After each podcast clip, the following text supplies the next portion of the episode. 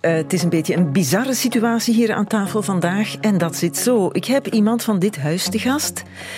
En ik zeg, ze is van dit huis, maar ik moet zeggen, ze is van dit huis geweest. Ze is ontslagen vorig jaar. We zijn ex-collega's. Nu, ik kende haar van zien. Ze werkte vooral voor tv, onder andere voor dit.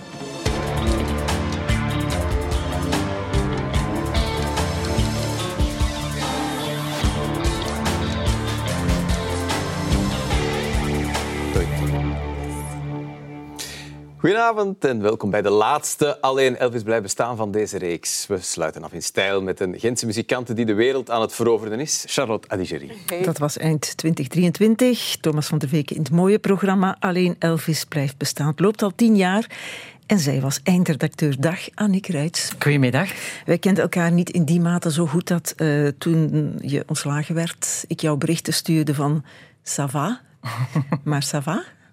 Nu ça va, ja. Toen even niet, maar uh, nu ça va. Je hebt 33 jaar gewerkt. Wat doet dat met je om hier weer te zijn?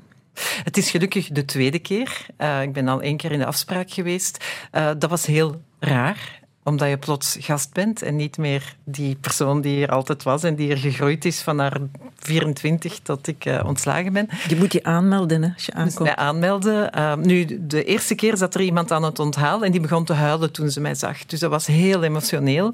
Nu ben ik het al gewend om hier als gast te komen. Oké, tweede keer. Dat is al een, een, een, manier van wennen natuurlijk. Hè. Je komt hier ook niet voor de nostalgie, je komt voor jouw boek. Hè. Je bent de dag na je ontslag begonnen aan een boek, wat ik heel straf vind. Want je zit toch in een zekere moed dat je daaraan denkt om dan een boek te gaan schrijven. Maar goed, eens creatief, altijd creatief misschien. Ja, het is begonnen met een dagboek. Uh, ik wist toen nog niet dat het dit boek zou kunnen worden. Uh, maar dat is geleidelijk aangegroeid, inderdaad. het boek is uit. Een mens zegt dan proficiat. Dank u. Dat klinkt misschien ook een beetje misplaatst in nee. deze. Je had dat natuurlijk liever niet moeten schrijven. Ik had het liever niet moeten schrijven, maar ik zeg altijd, ik ben het boek beginnen schrijven um, als een slachtoffer, als iemand die heel diep gekwetst was en heel diep aan het rouwen was. Maar tegen dat het klaar was, was ik een strijder. Ja, het heet Bedank voor bewezen diensten. In de standaard schreef Tom Heremans, is Annick een Limburger? Nee. Zeg, dank voor beweesdiensten. Nee, het is een zachte aanmaning. Het is een bevel eigenlijk. Geen bevel, maar uh, het is eigenlijk... Uh, een aanbeveling. Een aanbeveling aan werkgevers die wanneer ze iemand um, ontslaan, om toch tenminste met die persoon even te zeggen van hey, bedankt voor wat je hier allemaal, bedankt voor wat je allemaal hebt gedaan. Bedank, Doe bedank die mensen. Ja, het boek is uit van voor kerst. Je hebt al veel airplay gekregen, veel interviews. Hè? Ja. In nog elke krant, elk magazine heb jij gestaan met een interview. Je bent hotter dan hot op je 60.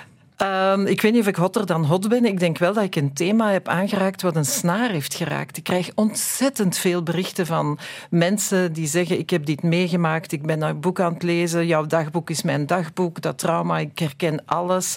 Uh, ik ben nog maar aan het eerste hoofdstuk en ik heb al drie keer gehuild. Annick, ik wou horen: ja, ik ben hotter dan hot op mijn en of 60. course ben ik ook nog hotter dan hot. Ik ben ook hotter dan. Twee oude vrouwen samen op de radio. Voor de luistercijfers gaan we daar zo meteen iemand jong bijhalen. Voorproevers.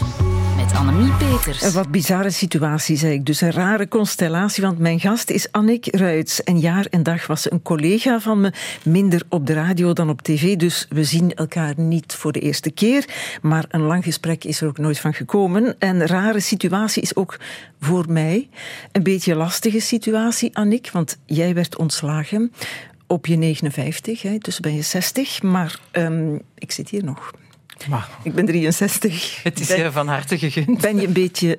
Nee, niet een beetje boos op mij. Kun je dat maar nee. begrijpen dat ik hier blij zit te zijn? Nee, het, het, het, uh, de stelling die ik in mijn boek maak is dat heel veel van de mensen die samen met mij ontslagen zijn, want we zijn met 50 ontslagen, waarvan 48% tussen 55 en 65 en 38% was ouder dan 45, kan je niet zeggen dat leeftijd geen rol heeft gespeeld. Maar iedereen die er nog werkt, hoop ik dat het hier leuk en plezant is en dat het hier is zoals ik het hier vroeger gekend heb. Het is hier leuk en plezant. Top. Je stuurde mijzelf een berichtje met de vraag: werk jij nog rond leeftijd? En die nog was omdat ik ooit dit heb gemaakt. Hè? Je probeert via recruteringsbureaus dus binnen te gaan. Dat zijn allemaal meisjes meisjes van 22 jaar, 23 jaar, die vinden mij een oude doos. Die hebben nog niet gesproken met mij, maar die vinden mij een oude doos. Ik ben in een recruteringsbureau geweest. Dat was in de zomer. was een meisje, een kauwgum in haar mond, een teenslippers, zat met haar been zo onder haar gat. En voor wat is het? Ik kwam daar wel voor een managementfunctie. Hè? Radio 1. 50-50. Nu word ik nostalgisch. Dat was mijn goede maatje Carla, die toen ook ontslagen was, niet direct werk vond. En toen, dat is intussen ook al een jaar of vijf, zes geleden, ik maakte 50-50 daarover. Een project met onder andere radio, maar ook columns en filmpjes. Dit kwam uit zo'n filmpje over vijftigers en hun moeilijke zoektocht naar werk. Even uh, stoeven. Het werd genomineerd voor de Prix Italia, dus zal ook wel een relevant thema geweest zijn, vijf, zes jaar geleden. Ben ik daar nog mee bezig? Ja, door te doen wat ik doe. Hè. Door hier te zitten en door te blijven werken en door niet vervroegd op pensioen te gaan. Je zei in veel interviews, zoals je nu ook zegt, um, je denkt dat die ontslagen met leeftijd te maken hebben. Dat valt niet hard te maken, dat heeft niemand luidop gezegd. En ik kan het daar niet over hebben, Annik. Nee, ik zit ik hier. ook niet, want ik weet niet waarom ik ontslagen ben. Maar natuurlijk, als je 59 bent en iemand zit jou op straat en je hebt verder nooit veel klachten gehad, dan denk je wel eens, misschien is het omdat ik te oud of te duur ben ja, geworden. Maar hier zit ook een jonge vrouw. Ja, nog... zonder teenslippers, even zeggen. Nog geen dertig, ook geen kauwgom in de mond, want nee, dat zou nee, ik verbieden. Nee. geen dertig, ja? je bent 29, 29, als ik goed geteld heb. Uh, dus voor leeftijdsdiscriminatie kom jij hoegenaamd niet in aanmerking. Jouw naam is Marta Klaes, jonge filosoof, doctor in de filosofie. Je geeft les aan de Universiteit van Antwerpen, maar dat is een tijdelijke baan. Ja, klopt. Dus in die zin uh, herken ik mij wel. Of ja, het is een heel andere situatie. Maar als ik het boek van Annick las, die, die vraag van werk en, en wat betekent werk en wat betekent het om het niet altijd te hebben of niet zeker te zijn van werk, dat is er een die ik mijzelf ook uh, heel erg stel. Dus in die zin is het geen leeftijdsgerelateerde nee, vraag je, per se. Je verdient wel werk, want je was hier voor kerstmis ook in Voorproevers in een uitzending over een boek over tijd.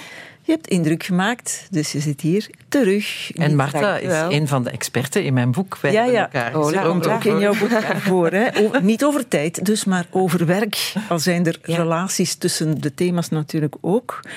Um, Marta, jij schreef zelf ook een boek. Uh, niet over werk, maar over trots. Klopt. Door knak op de lijst van de boeken van 2023 gezet. Je kijkt alsof je dat niet wist. Natuurlijk. uh, daarmee zouden we ook dicht bij het thema ontslag kunnen zitten. Hè?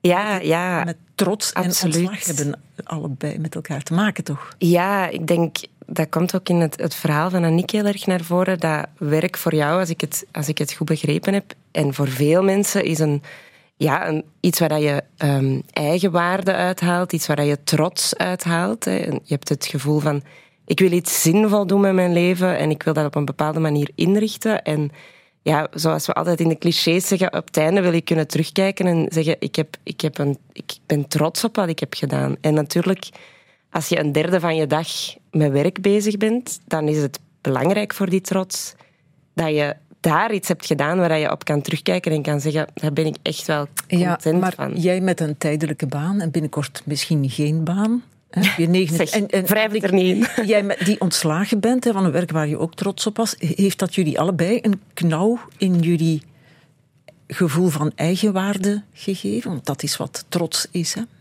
Ontzettend, natuurlijk. Ik, uh, ik ben altijd heel trots geweest op wat ik deed. Ik deed het ook ontzettend graag. En als iemand mij vroeg, wat doe je? Dan zei ik met heel veel trots en plezier. Ik ben eindredacteur van het mooiste programma van de wereld. Mm.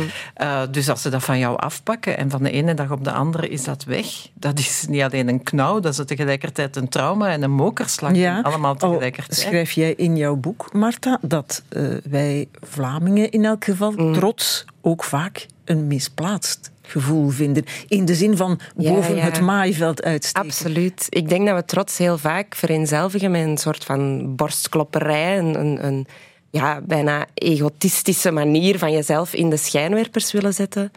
En daarmee vergeten we, denk ik, of probeer ik in het boek ook, ook duidelijk te maken, een vorm van trots die heel waardevol kan zijn, ook psychologisch gezien waardevol is voor ons. En dat is ook die trots waarmee dat we zoeken naar iets zinvol doen, iets doen waar dat we ja, onszelf een, een goed, waardevol mens in kunnen voelen en waar dat we ons ei kwijt kunnen. En als dat dan wegvalt, of als je het gevoel hebt van ah, mensen verlangen dat eigenlijk niet meer van mij, of ik krijg geen, geen podium om dat te doen, hè, plots moet ik iets anders gaan doen, of ze nemen het mij niet in dank af, dan, kan je dus ook echt psychologisch zo'n zo'n zo'n knauw krijgen die niet alleen te maken heeft, denk ik, met een gekrenkt ego. Dat is ook belangrijk, denk ik, om te zeggen. Hè, want je zou kunnen denken, ja, zeg, herpak jezelf. Maar er is iets veel wezenlijker dat daar, dat daar ook gebeurt. Namelijk het gevoel van, ik had mezelf als persoon op een bepaalde manier in gedachten. Als iemand die dit en dit en dit goed kan en daar ook voor gewaardeerd wordt. En plots is die waardering er niet meer. Een beetje meer zoals de oude Grieken gaan denken. Dat haal ik ook uit jouw boek. Hè? Die ja. trots een deugd vonden. Ja. ja, misschien even daarop inpikken. De reden waarom ik trots was op mijn werk was omdat ik weet dat ik daar waar ik was, namelijk eindredacteur van dat programma, ik ben daar gekomen door keihard te werken. Ik ben daar niet gekomen mm. door een of andere, weet ik veel wat, omdat ik rood haar had of zo. Maar ik heb daar keihard voor gewerkt. En ik denk dat dat een goede reden is om jezelf toe te staan, om ergens trots op te zijn. Ja, ik, ik, denk dat je zonder trots ook niet uit dat die toestand van platgeslagen geraakt. Dan blijf je in dat holletje zitten. Dat is nee, eigenwaarde. Ja, voilà. Dus trots kan je inderdaad verbinden aan iets wat je verwezenlijk hebt, zoals dat jij zegt. Nu, daar zijn ook wel kanttekeningen bij te maken, want het idee van als je maar hard genoeg werkt, dan geraak je er wel, is iets wat in onze maatschappij ook niet altijd zo is. Je kan heel hard werken en toch niet jouw droomjob krijgen of, of niet gewaardeerd worden. Ehm, dus daar zijn kanttekeningen bij te maken. Maar je kan trots inderdaad ook buiten die verwezenlijking uh, verbinden eerder aan je eigen persoon, hè? Je, je talenten, wat dat je kan, wat dat je waard bent. En, en het is denk ik belangrijk bij een ontslag bijvoorbeeld om te kunnen zien van ja, die verwezenlijkingen, daar word ik nu ergens, dat wordt mij ergens afgenomen, maar al, die, al de rest bestaat nog wel. Dus er is een groot risico dat je eigenlijk door um, ontslagen te worden of, of een knauw te krijgen in je zelfvertrouwen, daardoor eigenlijk je menselijke waarde bijna in vraag begint te stellen. Je denkt, ik ben niks meer waard en bijna schaamte gaan voelen over waarom heb ik ooit gedacht dat ik iets kon zijn. Iets heel fundamenteel, psychologisch ook vreselijk om mee te maken.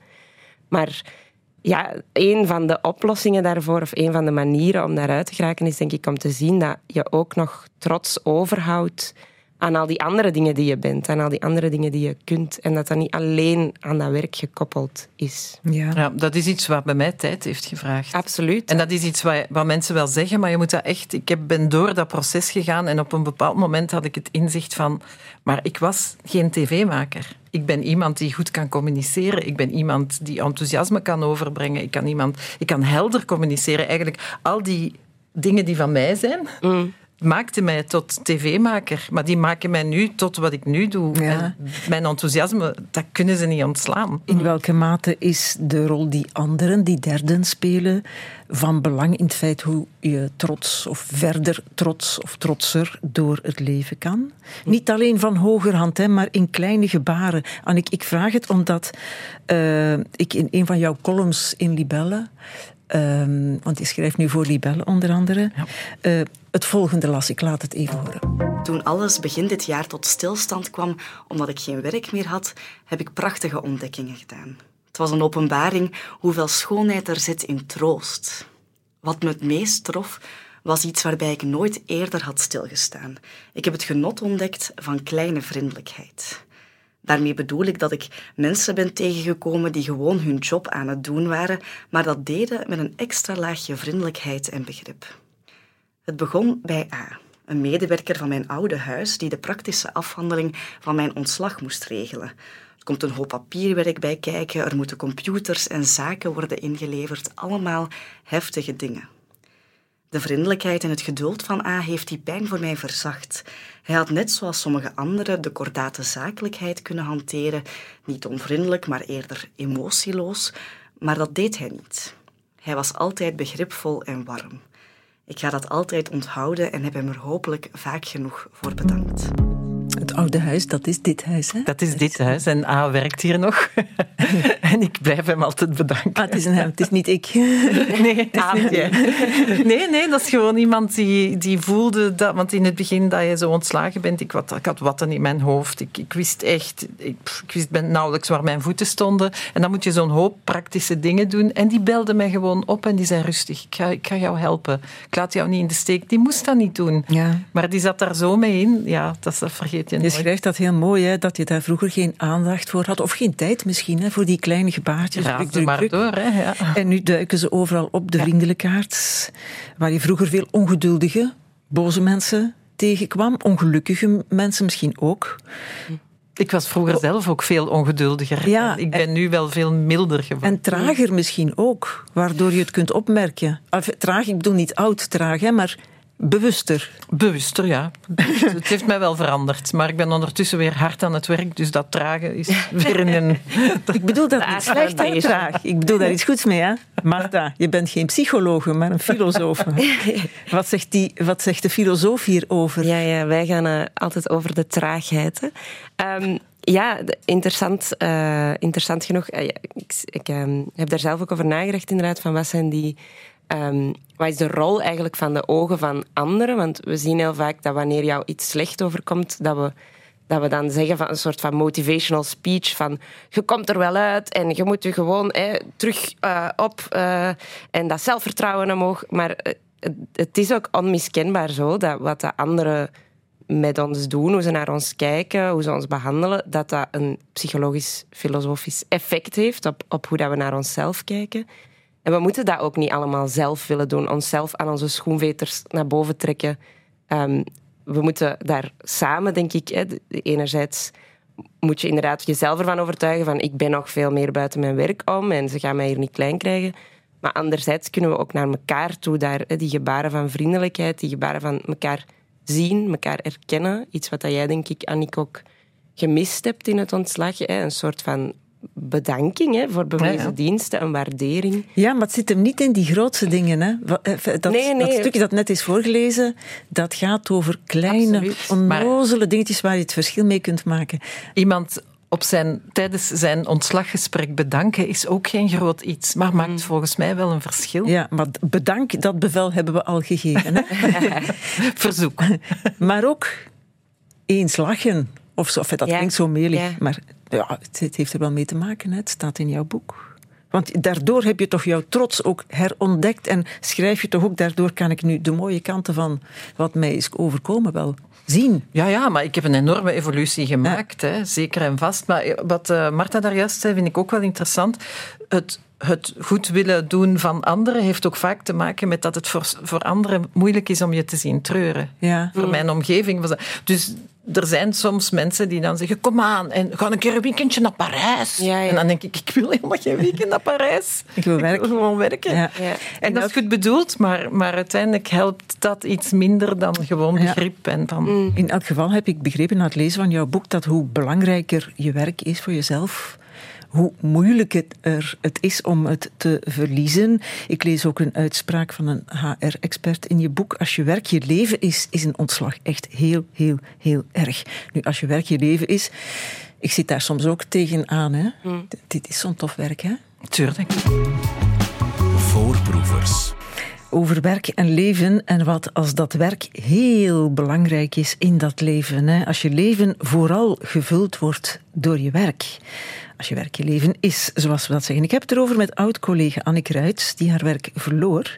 En met doctor in de filosofie Marta Klaes, die veel denkt en schrijft over werk en identiteit en wat als die samenvallen. Ik ga nog eens een fragmentje uit jouw dagboek laten horen, Annick. Dat je schreef het jaar na je ontslag. Dit is nog niet lang na dat ontslag, een maand, zoiets 21 december 2022. De dag dat de winter begint binnen en buiten.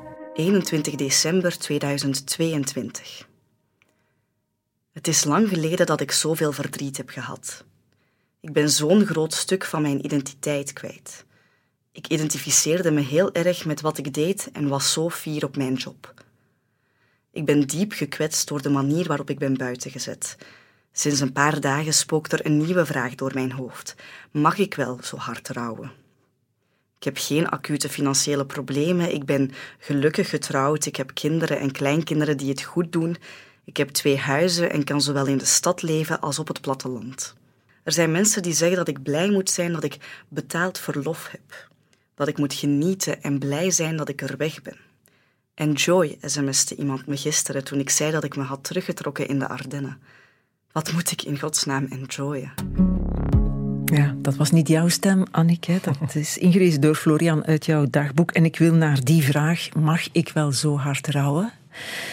Um, want daar zoek je een antwoord op of het wel normaal is om zo verdrietig te zijn over verlies van werk als je de rest van je leven redelijk op orde hebt. Inderdaad, omdat ik mij er natuurlijk van bewust ben dat ik niet een alleenstaande moeder was met vier kinderen die moet krabbelen en vijf jobs doen en daar dan twee jobs van kwijt is. Ik weet het. Ik weet dat ik geprivilegeerd ben. Maar als ik met de vijftig mensen die bijna allemaal een beetje in die situatie zitten en met mij ontslagen zijn praat, dan blijkt, dan gaat het nooit over geld. Het gaat over verdriet, verlies, over niet meer mogen meespelen, over ongewild buitengezet zijn op een manier die zeer onpersoonlijk ja, Maar het zegt ook iets over wat dat werk voor jou betekent. Hè? De plaats die het innam in jouw leven. Dan ga ik naar jou, Marta mm. Jij die onderzoek doet hè, naar werk en identiteit. Kun je te gepassioneerd werken? Goed, moeilijke vraag, ja. Eh, eh, of je te veel vereenzelvigt ja. met je baan, dat is misschien een beetje... Ja, ja, ja.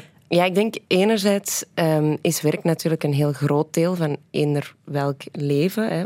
We, werken bijna een derde van de dag als we volgens de acht uren werken. En bij veel mensen gaat dat er ook nog eens over.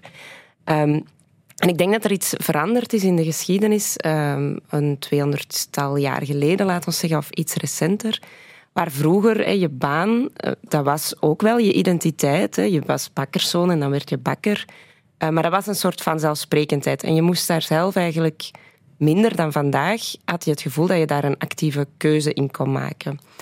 En nu, hè, met de, de vrijheden die we hebben, waar we natuurlijk heel erg dankbaar voor moeten zijn, is er ook een soort, ja, een gevoel dat je alles kan zijn. Hè. De wereld ligt open, opnieuw met die disclaimer dat dat zo is wanneer dat je een, een bepaalde uh, welgesteldheid hebt. Hè, want niet iedereen kan kiezen wat hij wil doen, maar um, wij drieën hier onder ons, zeg maar, wij hebben in zekere zin kunnen nadenken over wat is mijn, mijn passie en waar wil ik dan mijn beroep ook van maken. Je hebt de luxe van de keuze. We hebben de luxe van de keuze. De luxe en, en het gif of zo. Want het heeft denk ik die, die twee kanten. Het is voornamelijk een luxe dat je dat dus mag kiezen. Maar anderzijds, dan doe je een baan die je, die je graag doet. En dan um, begint ook soms de grens tussen uh, privé en baan heel erg te, te vervagen. Je, je, krijgt een hele sterke identificatie met je werk. Dat legt ook een gigantische druk op welke baan je doet. Als je kijkt naar jonge mensen want jij, jij, ja, jij bent nu aan het einde van je carrière, hebt heel veel... Of niet aan het einde, dat wil ik niet zeggen. Je mag dat tegen mij zeggen. In, in, de, in de helft, zeg maar. Jullie gaan nog veel grote dingen doen, maar er is heel veel... de helft. Er is heel veel um, wat jullie ook hebben moeten opbouwen. En dat zie je bij jongeren vandaag, denk ik, dat er een soort idee is van... Ik moet meteen in die job zitten die ik, waar ik al mijn talenten kwijt kan en die helemaal op mijn lijf is geschreven. En als dat niet lukt meteen dan is er ook een soort idee van falen. Want ja, we zijn zo vrij. Dus je had het eigenlijk moeten kunnen doen, hè, als je maar beter je best had gedaan. Dus, dus daar, die identificatie met werk is heel mooi. En ik wens het ook iedereen toe dat ze kunnen een job doen die ze graag doen en waar ze zichzelf in, in terugzien. Maar wat jij naar vraagt, Annemie, kan je je te veel identificeren. Ik zie ook inderdaad wel een, een schaduwzijde. Ja, en misschien ook omdat als je dan de job van je dromen hebt, die je hebt gekozen, waar je zo bent voor gegaan, dat je het niet meer als jouw recht beschouwt om te zeggen, op, op dat uur stop ik mm. met werken. Nee, absoluut. Ja. Je, je hebt het gevoel van, en ze zeggen dat ook... Um, wat, wat, is de uitspraak? If you do what you love, you'll never work a day in your life. Hè? Dus je, je doet wat je graag doet, dan werk je eigenlijk nooit meer. Maar de andere kant is, dan werk je eigenlijk misschien net heel de tijd. Want je wordt eigenlijk bijna verwacht van, ja, je doet het toch graag, dus dan kan je toch ook s'avonds iets doen, of, of het is toch je passie, dus waarom zou je dan om vijf uur uh, je, je, biezen pakken? En, en, en daar ligt ook wel een hele grote druk op hoe, hoezeer je moet willen werken, terwijl het wel werkt. En op de, verwachting, op de verwachtingen die werkgevers hebben misschien ook wel. Ik merk, of ik meen te merken, dat jonge mensen... Hmm. daar anders tegenover staan? Of vergis ik mij?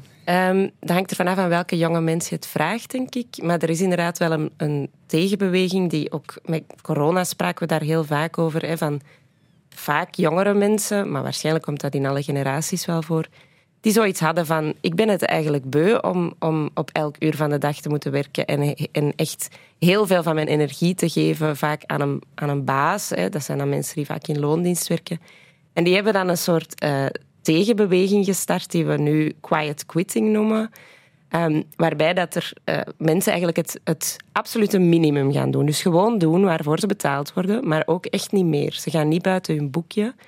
En dat komt vanuit het idee van, ja, ik verkoop hier mijn tijd, uh, die acht uur, maar daarna heb ik nog een heel leven en ik ben dat werk niet. En dat is, zoals we al besproken, dat heeft iets heel krachtig, vind ik, hè, dat je zo je grenzen kunt aangeven. Maar dat heeft natuurlijk ook een, opnieuw die schaduwkant. Want willen we dat, dat mensen op zo'n wijze naar hun job kijken? Het is toch ook jammer dat je zou denken... Ik, ik, ik verkoop mijn tijd. Ja, daar maar je moet niet in een van de twee kampen zitten natuurlijk. Nee. Er is van alles tussen. Toch? Hopelijk, lijkt me wel. Ja, als filosoof moet ik dat ook altijd benadrukken natuurlijk. Je hebt polen en, en ergens zitten we hopelijk een beetje tussen de twee. Dus eh, niet te veel van het ene, niet te veel van het ander. Merk jij, Annick, uh, uh, nu je schrijft voor die bellen en allerlei andere dingen doet, dat je denkt, ik hou mij nu een beetje meer in? Ik smijt mij net iets minder, want... Nee, ik moet mij nu veel meer smijten, omdat ik uh, beslist heb dat ik nooit meer voor een baas ga werken. Ik ben nu zelfstandige. Um, ik ben het helemaal eens met uh, wat Marta zegt. En ik heb ook twee volwassen zonen, um, waarbij ik de twee zie. De Mm. ene werkt hard, de andere minder. Waar ik wel van overtuigd ben, is zelfs al verkoop je je tijd, als je op een plek komt waar je zo gepassioneerd bent, Ja. zoals ik was hier, dan word je toch weer zo die gepassioneerd, dat gepassioneerd iemand. Ik, ik heb altijd gezegd, ik heb nooit het gevoel dat ik ga werken. Maar zelfs, Annick, als je het dan zo radicaal bent kwijtgespeeld. Want er staat een passage in jouw boek ehm, over na je ontslag. enfin, ja, het hele boek gaat over de, de periode na je ontslag. En je barst in huilen uit op een feestje. Ah ja? Wanneer mensen jou vragen... eh, je maakt kennis met iemand. Dat is de tweede vraag. Hè? De tweede vraag. De Hoe eerste is, hoe heet je? Ja. En, en dan doe je niks. Jawel, ik zei, ik ben werkloos en ik ben keihard beginnen huilen. En ik had mij zo voorgenomen, ik heb altijd programma's gemaakt over taboes. Ik wilde geen taboe over mijn ontslag. Ik ging me daar niet over schamen. Maar als je dat moet zeggen op een feestje, ik ben werkloos, dan dacht ik, oké, nu, nu snap ik die schaamte, want ik voel dat nu ook. Maar dat, wil toch zeggen dat je eh, eigenlijk alleen maar dat werk was. Dat, dat Als je heeft- geen ander antwoord hebt. Dat heeft ook denk ik te maken met wat we er van die vraag verwachten. Dus als mensen vragen wat doe je, het is raar bijna om te zeggen eh, ik ben moeder en ik schrijf columns en ik wandel graag en ik doe dit en ik doe dat. Want we verwachten dat iemand daar met zijn beroep op gaat antwoorden. En dat is eigenlijk denk ik heel symptomatisch, hè, dat we een soort, ik zou bijna zeggen, werkfetish hebben of zo. Dat, het, dat, dat we ervan uitgaan dat dat voor iedereen zo'n groot deel van zijn of haar identiteit is. Ik zou de gezichten van die mensen op die feestjes willen zien als jij antwoordt wat ik net zei. Dus Ja. niet met je beroep. En, Maar dat was ik niet kwijt. Ik denk dat je heel erg bezig bent. Want eh, iemand zei, zeg, je bent in between jobs. Maar ik was niet in between jobs. De ene was weg en er was toen nog niks anders. Maar dat klinkt wel en dan veel heb ik een tijdje gezegd, ik ben één van de vijftig. Alsof dat een nieuwe identiteit was. Ik Ja. ben één van de vijftig ontslagenen. Daar ben ik heel snel mee gestopt. Ja, omdat daar intussen zoveel over geschreven Tuurlijk. was ook, dat je dacht, dan hebben ze meteen een omkadering. bij wat ik zeg maar, Marta, wat antwoord jij als ze op feestjes vragen? Wat doe je? Ja, ook, ook met mijn baan. Hè. Ik ben eh, kind van de tijd natuurlijk. Ik weet wat mensen willen horen. Ehm, dat is vaak een heel omslachtig antwoord. Ik zeg dan, ik geef een beetje les en ik doe freelance dingen en ik schrijf. En Ik ben de huisfilosoof van Radio 1. ja, dat, dat ook. Dat ga ik aan mijn hè? toevoegen. Ehm, maar ja, dat is, dat is niet zo gemakkelijk als wanneer je zou zeggen, eh, ik, eh, ik ben bakker of zo. Hè. Dat Maar is- we houden het in stand als we niet ook dingen, andere dingen over onszelf vertellen. Hè? ja, absoluut. Als we niet ook zeggen, ik eh, ben... Maar ja, als iemand vraagt, wat doe je? Dan ga ik niet zeggen, ik doe deeltijds in de Ardennen wonen. Dat zeg je Ik niet. wandel heel veel in de Ardennen. Ja. Maar, Ik kom maar, tot dan, rust. ja, maar dan voel je waarschijnlijk die, die, die, dat oordeel van mensen van... Oeh, jij, jij werkt niet. Want daar ligt ook wel een soort een stigma op, uiteraard. Hè, dat wanneer je niet het werk zou doen dat wij als werk beschouwen, het betaalde werk, dat je dan heel lui zou zijn of dat je dan niks bijdraagt aan de maatschappij. Terwijl, en nu komen we misschien in een, iets wat ons te ver leidt, maar er zijn heel veel mensen die werk doen dat niet betaald wordt, dat niet in loondienst is, dat toch een gigantische bijdrage is. Denk aan zorgwerk, denk aan kinderen opvoeden. Dus ook onze definitie van wat is werk eigenlijk en waarmee mogen we ons dan identificeren en trots op zijn, die kunnen we ook al wel, daar kunnen we ook al wel vraagtekens bij zetten. Ja, is dat het is, enkel het is betaald? omdat, en dat haal ik ook uit jouw boek, Annik, omdat werk, ehm, wat jij noemt manifestennoden invult, een inkomen hebben. Ik ging er net over Ja, beginnen. maar ook latente noden. En dat is Zingeving. Want ik had met Marta gepraat hè, voor mijn boek. En, en ik zei, ja, dat is eigenlijk waar. Hè. Ik zorg nu meer voor mijn moeder. Ik heb meer tijd voor mijn kleinkinderen. Maar dan, hè, het latente deprivatiemodel zegt eigenlijk... mensen die aan het werken zijn...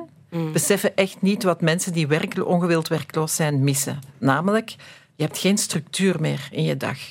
Mijn agenda, die heel mijn leven overvol was, moest ik leegmaken. Dat was vreselijk. Zingeving. Mijn werk was ook een stuk zingeving. Het was eenzaam, want al mijn vrienden zijn keidruk bezig. Dus leuk koffie gaan drinken met vriendinnen die aan het werken zijn, lukt ook niet. Zingeving niet alleen voor jezelf, maar ook je plek in de maatschappij. Want je hebt toch het gevoel dat je, je werk... Hè, ik maakte leuke tv-programma's, ik vond daar heel veel zingeving in. En dat zien mensen niet. Maar als je het kwijt bent vanaf dag één, weet je, oké, Ja, dat zijn en status vergeet je Status, ook nog, hè, zeker, uiteraard. zeker in deze banen. Dat, daar kijken mensen naar op. En sociale contacten Ja, toch ja. ook, die je ook ergens anders kunt vinden. Maar Ja, hier, maar het praatje op de Toch, trein of zo, Zeker. dat allemaal weg. Want een zin uit jouw boek is ook: ik schrijf of ik vul als een bezetene mijn agenda in met allerlei taakjes. Maar daar zit het hem net. Het is dat vullen dat nutteloos voelt. Want niemand verwacht iets Nee. van me. Nee. En daar komt ook die blik van de, de ander weer in het spel. Hè. Je kan je wel hè, zelf oppeppen dat je nog iets te bieden hebt, maar als niemand het, het vraagt van jou, als niemand jou daarvoor waardeert of erkent, dan ja, dat heeft ook een effect. En toch, en toch ik, haal, eh, ik leer veel interessante mensen in jouw boek kennen. Onder andere ene Gabor Maté, of hoe spreek Gabor je dat Maté, ja, me ja. precies uit? Dat is een Canadees-Hongaarse dokter, dus ik kan dat op zijn Canadees of op zijn Hongaars uitspreken, die gespecialiseerd is in trauma's en die noemt workaholic zijn ook een verslaving, een trauma. Enfin, een verslaving voortkomend uit een trauma. En hij vindt dat onze cultuur de workaholic verheerlijkt, maar dat die workaholic eigenlijk een leegte in zichzelf aan het vullen is. En zo zegt hij dat. Zelden zullen workaholics oprecht beweren dat ze gelukkig zijn. We leren van kindsbeen af dat competitiviteit en egocentrisme naar succes leiden. Maar vriendelijkheid en samenwerking sluiten veel nauwer aan bij onze natuur. We zijn de verbinding met onszelf kwijtgeraakt. We beschouwen competitiviteit en egocentrisme als normaal, maar die cultuur is tegennatuurlijk en schadelijk voor het individu. Ook de competitiviteit van ons schoolsysteem, waarin onze kinderen voortdurend geëvalueerd worden in plaats van te leren en te ontspannen, is schadelijk. Ons hele verdere leven worden we geëvalueerd op onze prestaties, op ons uiterlijk. Onze zwaktes worden niet geaccepteerd. Ook wie we zijn wordt niet geaccepteerd. Het zijn dingen om over na te denken. Hè? Ik vind het zo de maatschappij van vandaag. Ja, het legt, het legt heel veel bloot, denk ik. Hè. Inderdaad, die, die, die focus ook, om terug te gaan naar het begin van ons gesprek. Waar haal je trots uit? Eh, Dat zijn eh, de dingen waar dat je in uitblinkt, waar dat je... hè, je bent je uiterlijk, je bent mooi, je past in het schoonheidsplaatje, je, je werkt hard. Dat zijn alle klassieke trotsmakers, zeg maar. En we stoppen het erin van in het begin. Hè, van Ja, ja. We, school, we, we applaudisseren als iemand een goed rapport houdt. Terwijl eigenlijk zou je ook moeten applaudisseren wanneer iemand een ruzie tussen twee vriendjes oplost. Ja. En daar staat Of een geen goede punt vriend op. blijkt te zijn, Ja, bijvoorbeeld. Ah. Maar zelfs in hobby's, ik had vanochtend met mijn jongste zoon een gesprek, die heeft een cursus keramiek gevolgd, die blijkt talent te hebben. En hij zegt, dat is zo vreselijk. Hè. Ik maak dan zeven mooie kopjes.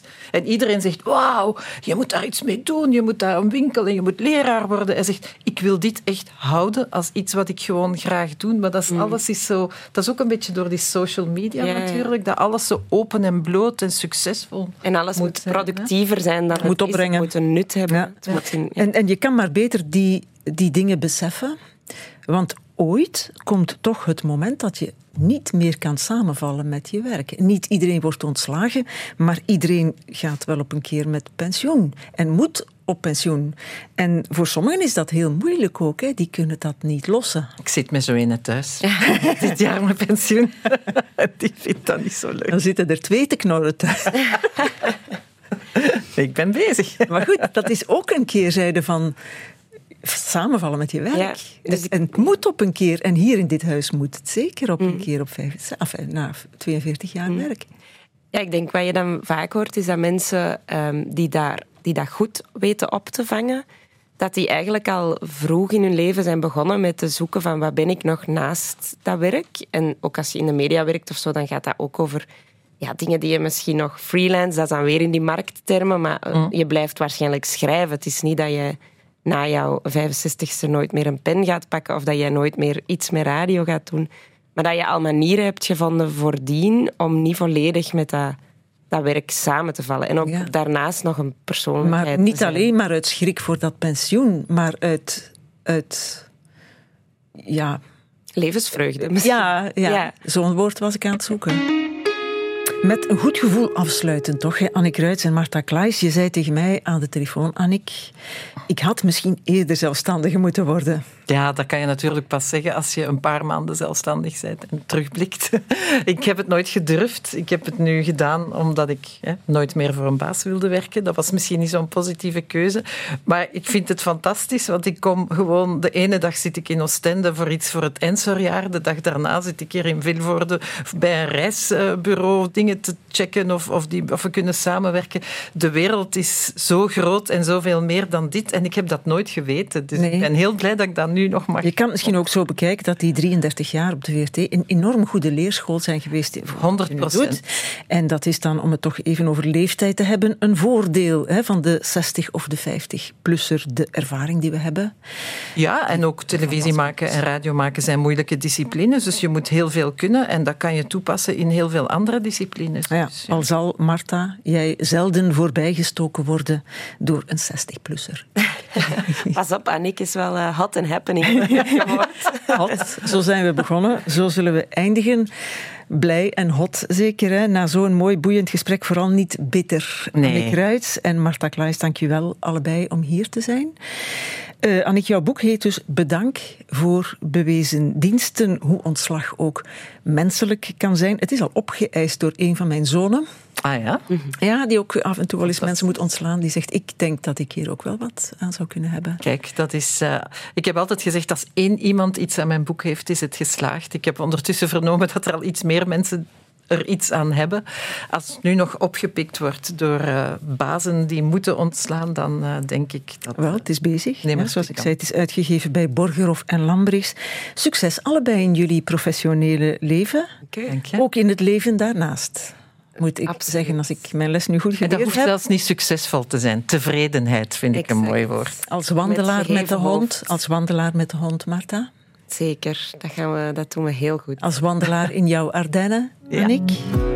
Voor